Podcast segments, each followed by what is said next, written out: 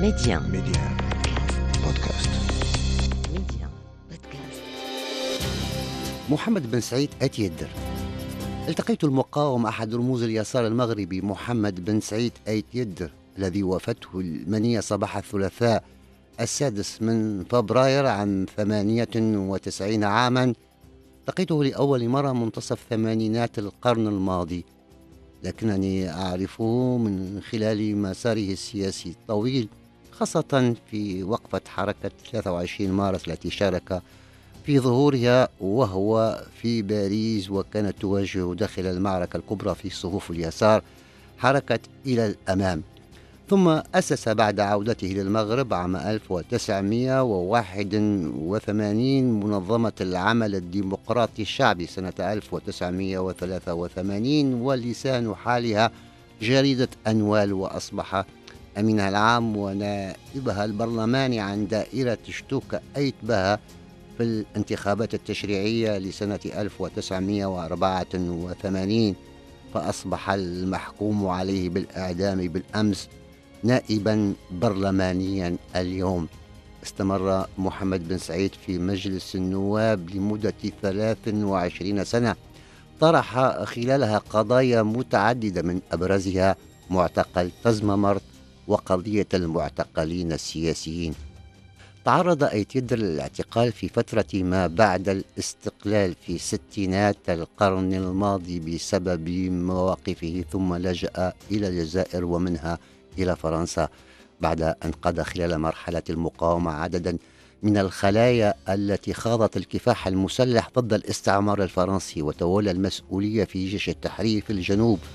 وشغل عضوية المجلس الوطني للمقاومة وأرخ لهذه المرحلة من حياته في كتاب صدر عام 2001 بعنوان هكذا تكلم محمد بن سعيد وصدر في حقه حكم غيابي بالإعدام ودخل في فرنسا في تجربة سياسية جديدة من خلال منظمة 23 مارس ذات التوجه الماركسي لينيني قبل العودة إلى أرض الوطن نهائيا وتأسيس منظمة العمل الديمقراطي الشعبي وبعد ذلك شارك في تأسيس الكتلة الديمقراطية سنة 1992 التي ضمت أحزاب الاتحاد الاشتراكي للقوات الشعبية والاستقلال والتقدم والاشتراكية ومنظمة العمل الديمقراطي الشعبي والاتحاد الوطني للقوات الشعبية. كنت حاضرا ذلك اليوم السابع عشر من ماي 1992 يوم الإعلان. عن ميلاد الكتلة مع قادتها عبد الرحمن اليوسفي ومحمد بوستة وعلي يعتى ومحمد بن سعيد يدر وعبد الله إبراهيم.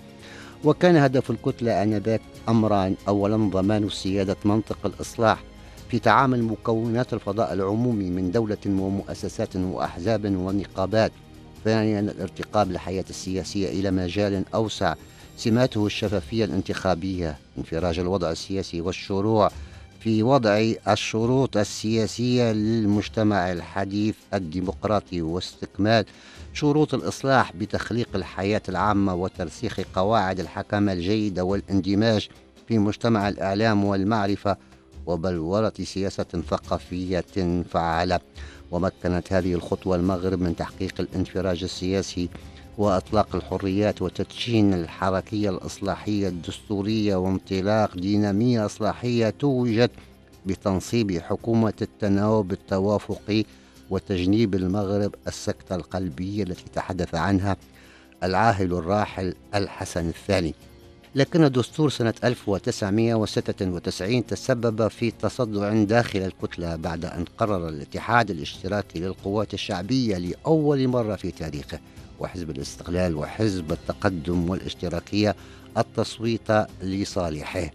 لكن محمد بن سعيد دعا للوقوف في وجه ذلك الدستور وجرى توقيف جريدة أنوال وواجه بعدها انشقاقا تعرضت له منظمة العمل الديمقراطي الشعبي بانسحاب مجموعة من القيادات التي انتظمت في حزب جديد الحزب الديمقراطي الاشتراكي. لكنه عاد بعدها لتوسيع عائلة اليسار بالاندماج مع أحزاب وحركات أخرى في حزب اليسار الاشتراكي الموحد عام 2002 وفيه تخلى عن منصب الأمين العام واكتفى بموقع الرئيس الشرفي.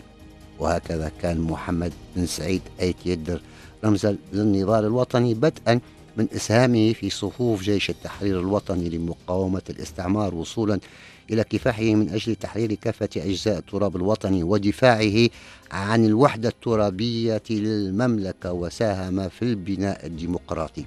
وجاء في برقية التعزية والمواساة من العاهل المغربي الملك محمد السادس إلى أسرة الراحل.